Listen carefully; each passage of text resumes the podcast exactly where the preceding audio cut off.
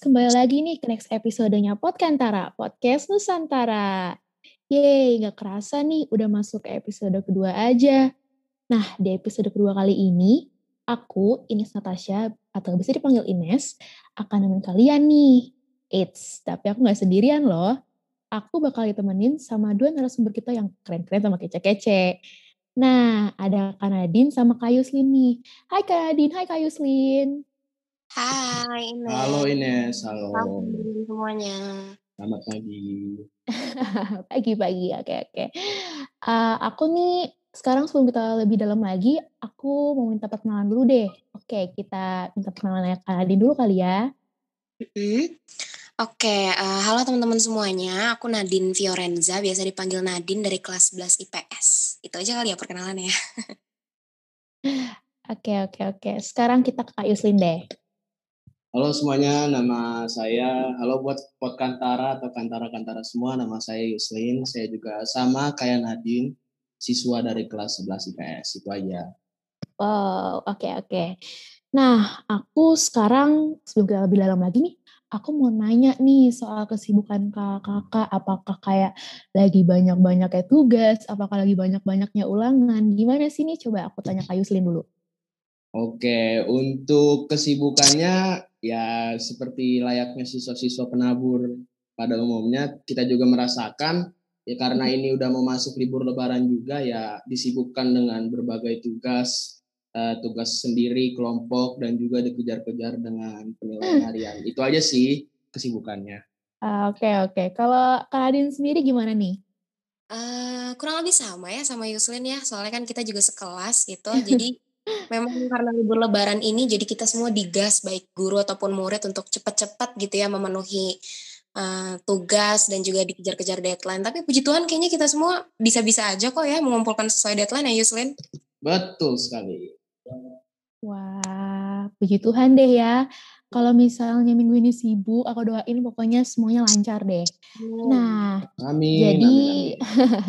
jadi ini dia nih kedua narasumber kita yang bakal nemenin aku dan Kantara semua di episode kali ini. Nah, kalau ada nanya-nanya, tema podcast kita untuk yang kedua kali ini apa sih? Nah, jadi temanya adalah point of view anak SMA soal budaya Nusantara. Nah, kita langsung masuk aja kali ya ke pertanyaan pertama.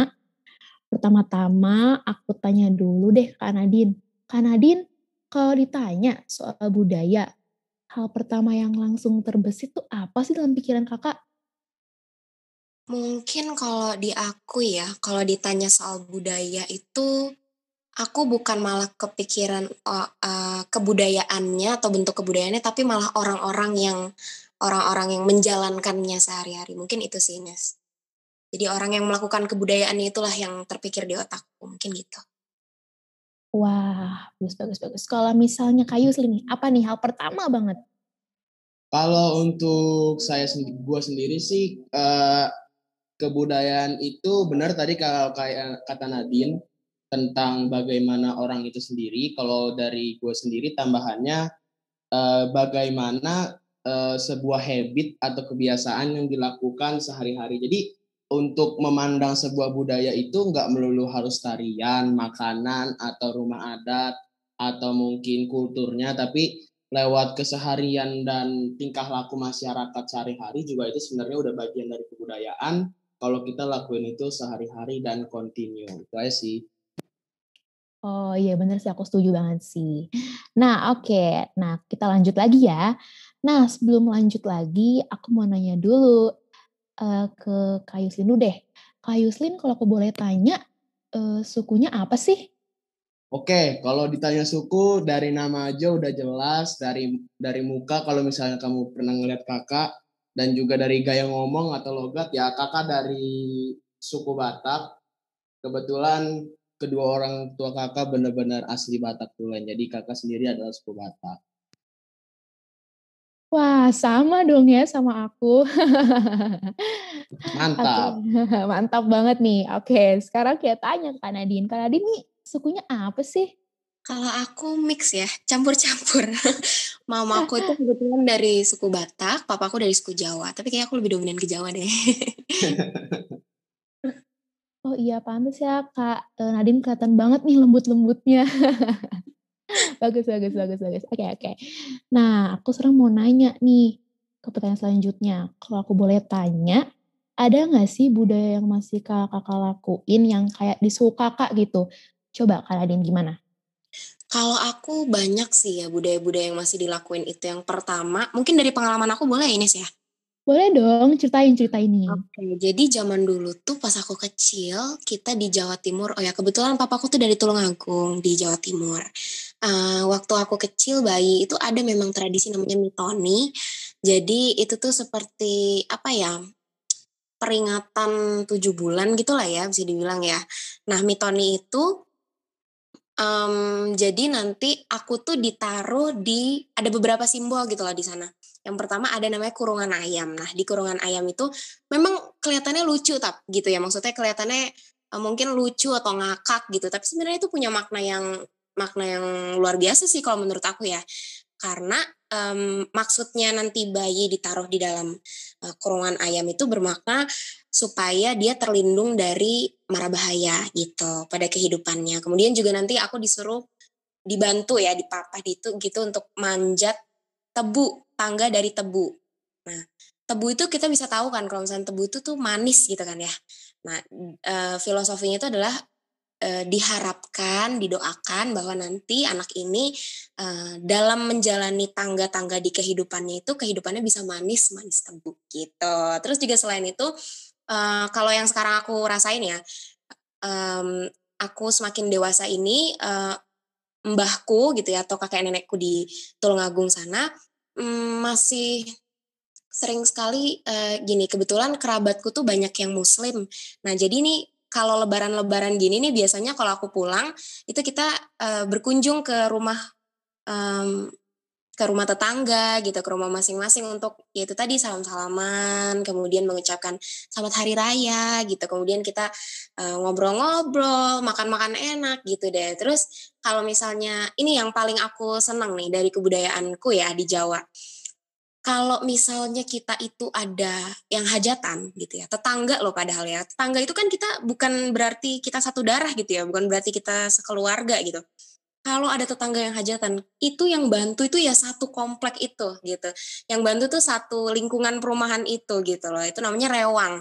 Dan mbahku tuh juga dulu uh, uh, selalu ikut bantu gitu. Aku juga pernah beberapa kali ikut bantu gitu. Jadi ternyata ya di dalam kebudayaan kebudayaan yang ada di Indonesia gitu ya nilai-nilai luhur seperti gotong royong, saling membantu, kemudian ada petuah-petuah atau filosofis-filosofis yang bagus sekali sebenarnya kalau diterapkan di kehidupan kita. Gitu sih Ines kalau dari aku.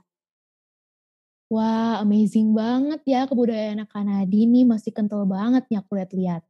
Nah, kalau misalnya Kayusin sendiri nih, gimana nih? Nah, kalau dari saya sendiri, uh, perlu diketahui bahwa Batak itu sebenarnya nggak hanya satu ya buat teman-teman semua. Jadi suku Batak itu juga punya sub-sukunya sendiri. Nah, kalau kita kan mengenalnya kayak marga-marga Siregar atau Situmorang dan lain-lain dan lain sebagainya yang sering kita muncul. Nah, e, untuk budaya Bataknya sendiri itu ternyata masih banyak sub-sukunya seperti satu ada namanya Batak Soba, ada namanya Batak Simalungun, ada namanya Batak Pakpak, ada namanya Batak Karo dan juga ada Batak Mandailing.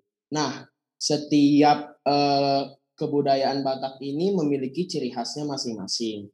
Nah, tapi kalau dari saya sendiri itu merupakan gabungan dari uh, subsuku Batak Toba dan juga Batak Simalungun. Nah, untuk tradisi mungkin yang masih dipegang atau di uh, dijalankan itu tuh waktu kemarin uh, kebetulan saya juga udah siji udah katekisasi. Jadi uh, ada tradisi yang namanya manurduk. Manurduk itu adalah uh, sebuah tradisi uh, yang saya tahu ya, tradisi di mana uh, apabila kita uh, ingin melancarkan sebuah jalan. Jadi kan kayak kemarin kita udah kayak kata apa CD. Nah, uh, biasanya orang tua atau orang yang lebih tua itu akan memberikan semacam uh, namanya manuk naniatur kalau di Semalungun. Itu adalah sebuah ayam, ayam yang disusun secara rapih, uh, badannya utuh tapi dari masak ya. Pokoknya susunannya rapi. Nah, kalau bicara mengenai filosofinya, jadi uh, diharapkan dengan diberikannya manuk naniatur ini kepada orang yang diberikan, uh, semoga hidupnya akan semakin teratur karena dari namanya aja manuk naniatur atau ayam yang diatur. Itu sih kalau misalnya salah satu budaya. Nah, kalau contoh lain mungkin banyak uh, yang sering dilakukan sehari-hari ya contohnya penggunaan bahasa aja sih dalam keluarga. Karena mau nggak mau uh, budaya itu mesti harus dipegang semodern apa pun kita karena itu bagian dari identitas kita. Dan juga kalau misalnya kebudayaan orang Batak seperti di perantauan-perantauan gini, biasanya mereka membentuk uh, grup-grup atau paguyuban-paguyuban gitu loh. Biasanya satu margakah, satu keturunan opungkah, satu keturunan kakek nenek. Nah, menggrup-grup gitu. Itu sih mungkin yang tradisi atau budaya yang masih dipegang atau saya pegang sehari-hari. Gitu Ines. Wah, berarti masih pada kental semua nih ya. Wah, aku bener-bener apresiasi banget sih. Oke, kita lanjut lagi. Nah, sekarang aku mau nanya nih soal pendapat kakak-kakak. Kan tahu kan kalau misalnya uh, pernah lihat lah ya ondel-ondel yang lewat gitu, yang dijadiin kayak buat kayak ngamen lah istilahnya. Itu menurut kalian gimana sih? Uh, aku mau nanya ke Kayu Slin dulu aja deh. Oke, ondel-ondel. Kebetulan di hari-hari puasa ini juga ondel-ondel di rumah saya tiap hari hampir tiap hari lewat dan mintain sumbangan ke rumah saya untuk memandang ondel-ondel yang dijadikan sebagai uh, ajang cari duit. Bagi saya sendiri sih nggak kurang apa ya kurang kurang bagus ya karena ondel-ondel itu kan bagian dari ciri khasnya orang Betawi sukunya Betawi atau sebagai dari ininya apa sih e, tandanya lah kalau misalnya itu bagian dari kebudayaan Betawi. Nah memang e, kalau misalnya di kebudayaan apa di kayak festival PRJ ditunjukin ondel-ondel itu bagus. Tapi kalau misalnya untuk ditonton perjualbelikan sebagai kayak ngamen-ngamen ajang ngamen itu kayaknya jadi kurang bagus deh karena filosofinya jadi turun jadi taunya orang eh, ondel-ondel buat ngamen. Padahal di balik adanya ondel-ondel itu kan ada punya filosofi dan ceritanya sendiri. Itu sih Nes. Wah, wah bener sih, bener sih. Nah, kalau Kak Nadine sendiri gimana nih Kak Nadine? Kalau aku ya, kembali lagi karena aku anak IPS dan aku anak sosial, Yuslin juga sebenarnya um, harusnya tahu ya gitu ya. Um, kita itu di IPS tuh diajarkan untuk tidak judgmental. Betul kata Yuslin tadi memang kalau misalnya secara kita lihat dari sisi kebudayaan ya, kita lihat dari kacamata kebudayaan sepertinya agak kurang elok gitu. Kalau kebudayaan itu digunakan untuk hal hal-hal yang kita lihatnya seperti kurang pantas gitu. Um, betul uh, kembali lagi merujuk kepada pembicaraan Ines dengan Yuslin tadi, pendapat Yuslin tadi bahwa tentunya setiap kebudayaan itu punya makna, punya filosofinya sendiri kan nggak enak ya gitu dilihat kalau misalnya nanti berkembang uh, stigma atau anggapan di masyarakat bahwa oh ondel-ondel itu digunakan untuk ngamen aja gitu. Oh iya oh, kalau ditanya kamu tahu nggak ondel-ondel itu apa?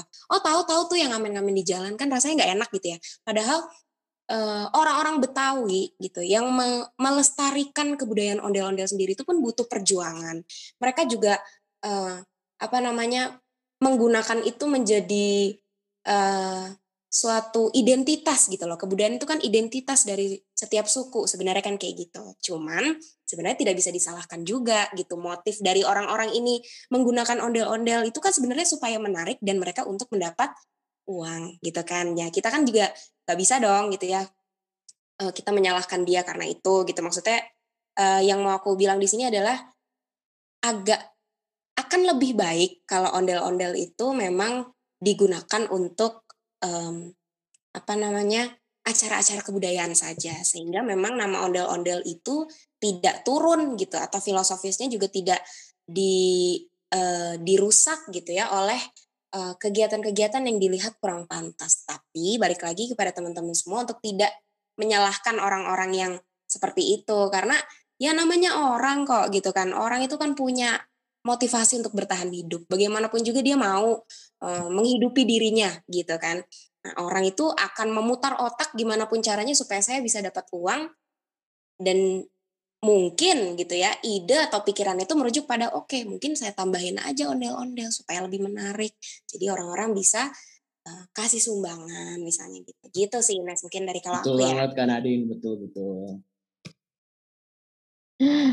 Oke, aku juga setuju sih sama Adin. Ini Adin bener banget. Uh, Oke, lanjut nih. Aku mau nanya lagi sih soal pendapat-pendapat kalian.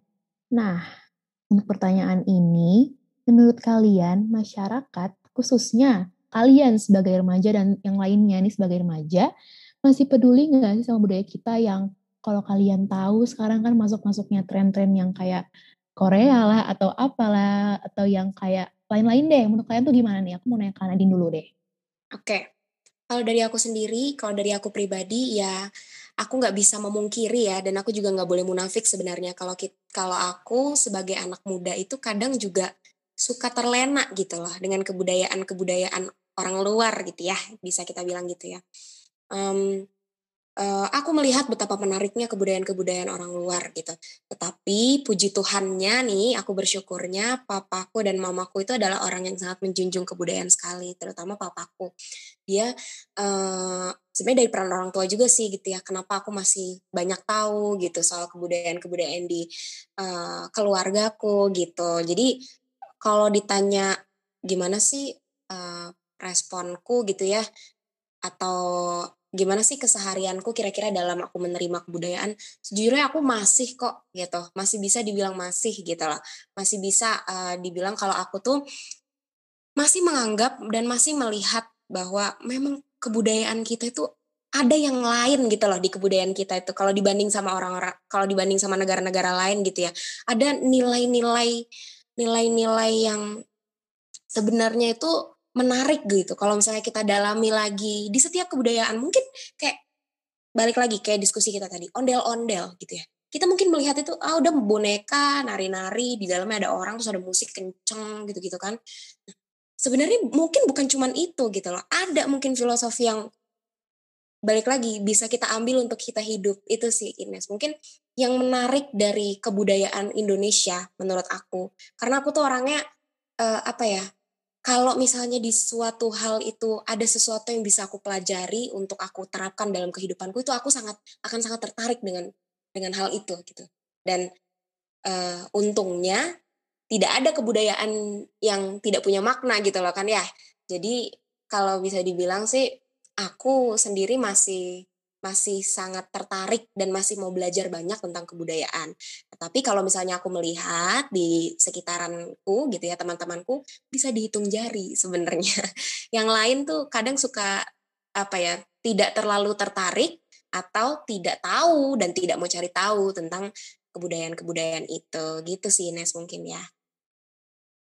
Wah, Kak Nadine nih, aku perlu apresiasi banget nih dari awal aku kagum banget sama Kak Nadine ya kalau boleh jujur.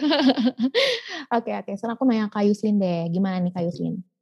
Oke, kalau misalnya dari saya sendiri, apakah saya masih memegang budaya saya sendiri? Tentunya iya, karena bagi saya sendiri, uh, khususnya kebudayaan Batak memiliki uh, kemenarikan tersendiri bagi saya sendiri dan nilai-nilai yang diajarkan, filosofinya semua yang ada dalam budaya Batak, uh, 90% bisa dikatakan uh, memiliki impact atau dampak yang sangat baik. Nah, kalau ditanya uh, gimana teman-teman sekitar, banyak juga teman-teman saya seperti yang dibilang Nadine, yang udah mulai kayak misalnya nih contoh nih, orang Batak seperti saya.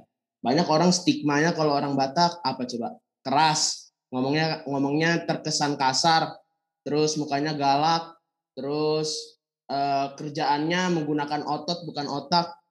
Nah banyak juga teman-teman saya yang pengennya uh, ah gue gue marga aja lah Batak. Tapi uh, kalau bisa nanti eh kalau aslinya mah gue mah udah modern. Seperti itu. Nah, eh, kadang pemikiran-pemikiran ini malah yang bisa membuat kebudayaan itu bisa menghilang. Dan juga eh, banyak juga kebudayaan-kebudayaan yang eh, sebenarnya menarik seperti yang dibilang Nadine tadi, menarik di Indonesia. Banyak bener. Karena keasliannya, karena eh, originalitasnya dari budayanya Indonesia itu menarik karena memang pure karena keseharian masing-masing karena uh, kenyataan masing-masing itulah yang menjadi suatu kebudayaan. Kalau kita misalnya melihat budaya barat, kebanyakan budaya barat itu kan ditolongnya sama teknologi. Makanya uh, banyak budaya-budaya barat contohnya kayak K-pop itu bisa lebih diterima uh, sama anak-anak muda. Karena apa? Misalnya musiknya beatnya lebih bagus. Tapi kalau misalnya kita ngedenger suara gamelan aduh terkesannya ngantuk. Makanya kita lebih suka K-pop. Tapi bukan berarti saya tidak menyukai K-pop. Karena uh, perkembangan zaman kan nggak uh, bisa dilawan memang harus kita ikutin tapi tergantung bagaimana kita menyikapi perkembangan zaman tapi juga kita tetap bisa um, men, apa memasukkan nilai-nilai keluhuran dari budaya Nusantara itu sendiri. Gitu sih Ines.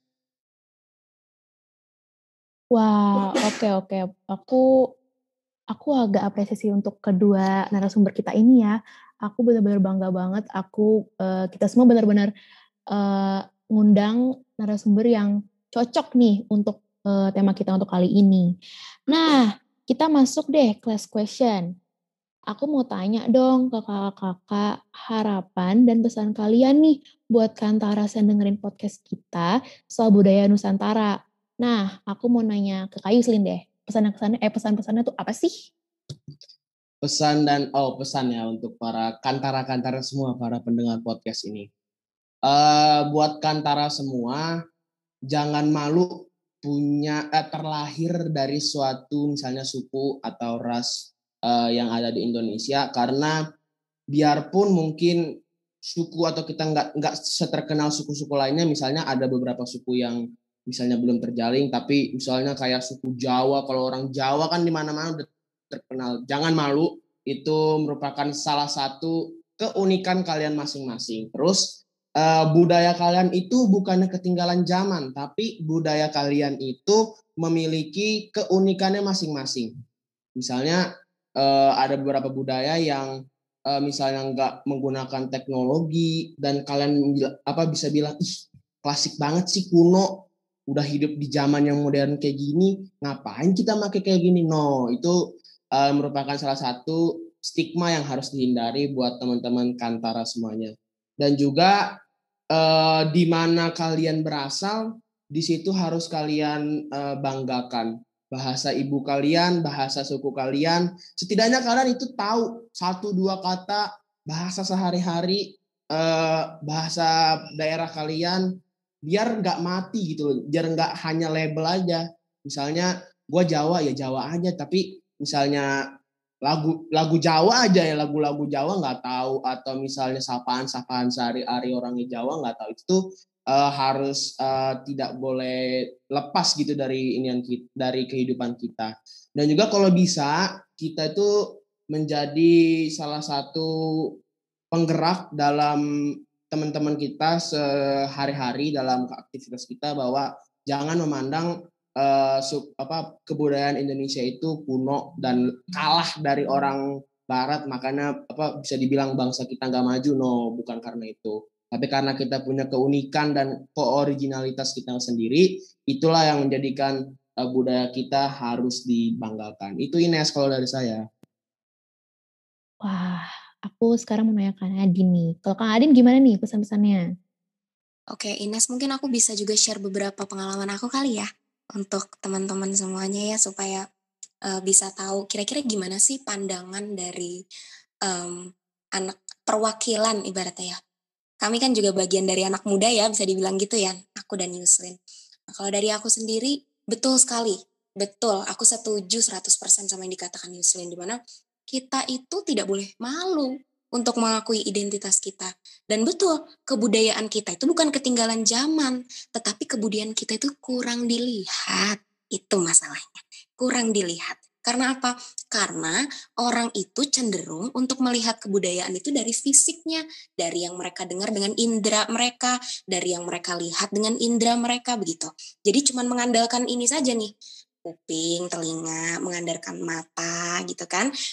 Cuman cuman dari situ aja gitu. Tapi kita tidak benar-benar mendalami sebenarnya apa sih gitu loh. Apa sih makna atau filosofi dari kebudayaan ini gitu loh. Kalau dari pengalaman aku sendiri ada satu kebudayaan itu kan balik lagi kata Yuslin tadi ya kebudayaan itu bukan cuma tentang tarian. Kebudayaan itu bukan cuma tentang uh, apa namanya musik atau lagu. Tapi ada juga petuah namanya kalau di Jawa ya.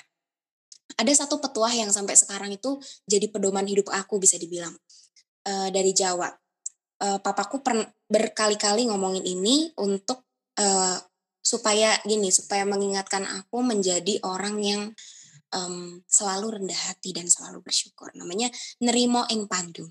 Nerimo ing pandum itu artinya menerima sekadar pemberian.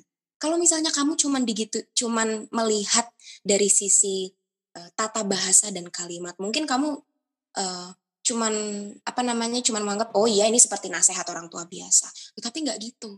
Nerimo ing pandum itu adalah petuah atau ajaran yang memang sudah diterapkan oleh orang-orang zaman dulu dan itu berhasil di mereka untuk mencapai suatu kehidupan yang uh, untuk mencapai suatu kehidupan yang sedamai-damainya kamu itu sebagai manusia itu kamu harus bersyukur apa pun yang kamu punya apa pun yang kamu terima sekiranya kamu bisa menerimanya dengan senang hati.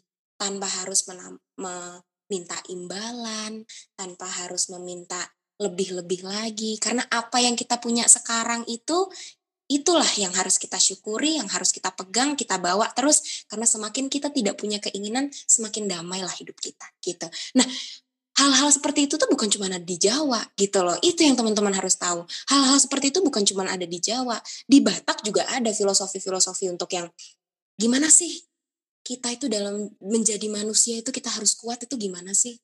Kita kita tuh sebagai manusia kita untuk menghadapi orang-orang yang sekiranya ada yang nggak suka sama kita itu gimana sih caranya menghadapi dengan baik.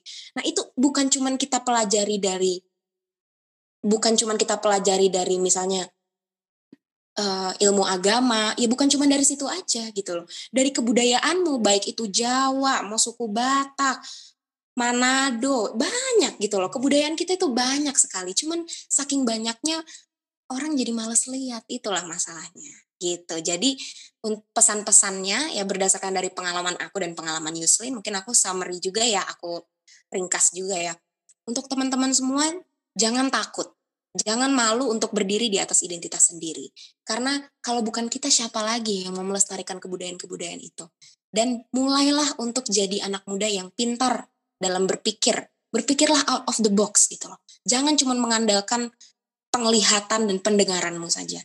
Masuk ke dalam kebudayaan itu, dalami kebudayaan itu. Apa yang bisa kamu pelajari untuk membuat hidup kamu lebih baik, untuk meningkatkan kualitas hidup kamu. Gitu sih, Nes, kalau menurut aku. Wah, oke oke. Untuk Kantaras yang denger podcast episode kali ini, bisa didengerin ya pesan-pesan dari kakak kita yang kece-kece ini. Nah, untuk kali ini bisa aku simpulin nih. Nah, kesimpulan yang bisa aku simpulkan itu, kita nggak boleh malu ya untuk memperlihatkan ajaran-ajaran budaya kita. Kita juga harus mulai meluaskan pikiran dan penglihatan kita untuk mengembangkan segala kebudayaan supaya kebudayaan kita masih tetap terlestarikan. Kalau kalian pikir, kenapa sih harus dari remaja? Dan kenapa sih harus sekarang? Nah, malah dari sekarang biar kita bisa mulai belajar nih untuk kayak melestarikan sampai nanti kita sampai kita nanti tua nanti. Nah, sekarang uh, aku mau berterima kasih dulu deh nih sama kedua narasumber kita yang kece-kece yang udah mau nemenin aku sama Kantara semua di sini. Tepuk tangan dulu dong. Wah. Mantap, mantap, mantap. Banget. Mantap ya. Oke, makasih ya untuk Kak Nadine sama Kak Yuslin yang udah mau luangin waktunya di sini dan udah mau nemenin aku sama Kantaras uh, di episode kali ini. Sama-sama Ines. Terima kasih Ines. Oh ya mau nambahin dikit dong mungkin. Apa nih? Ah kalau misalnya kita juga memandang sebuah budaya, memang budaya uh, banyak juga yang berkaitan dengan apa sistem kepercayaan atau agama. Nah, buat teman-teman sekalian juga eh, tolong atau biasakan jangan memandang kalau misalnya memandang sebuah budaya itu langsung berkaitan dan kita menstigmakan langsung ke uh, uh, agama tertentu. Misalnya kalau misalnya orang Batak, ah pasti orang Kristen, orang Jawa, ah orang Islam. Itu tuh merupakan salah satu pola pikir yang bisa juga jadi sebuah apa namanya ideologi yang ditanamkan kepada generasi selanjutnya, tapi harus dihindarkan karena nggak semua orang Batak itu Islam, nggak semua orang Batak itu Kristen, nggak semua orang Batak itu Hindu, tapi semua orang Batak itu atau semua suku yang ada di Indonesia itu pasti memegang teguh kepercayaannya kepada Tuhan yang Maha Esa. Itu aja sih Ines. Wah, makasih, makasih. Makasih untuk kakak-kakak semuanya. Oke, nah tiba nih di penghujung kita untuk episode kedua kali ini dalam tema Point of View Anak SMA Soal Budaya Nusantara. Semoga kantara semuanya bisa dapat hal-hal baru ya dari podcast yang kalian dengar kali ini. Kalau gitu, aku ini Natasha mohon pamit undur diri. Have a nice day and stay healthy ya kantara semuanya. Bye-bye, sampai ketemu di podcast episode selanjutnya. Terima kasih telah mendengarkan episode kedua di dalam podcast kami pada kali ini.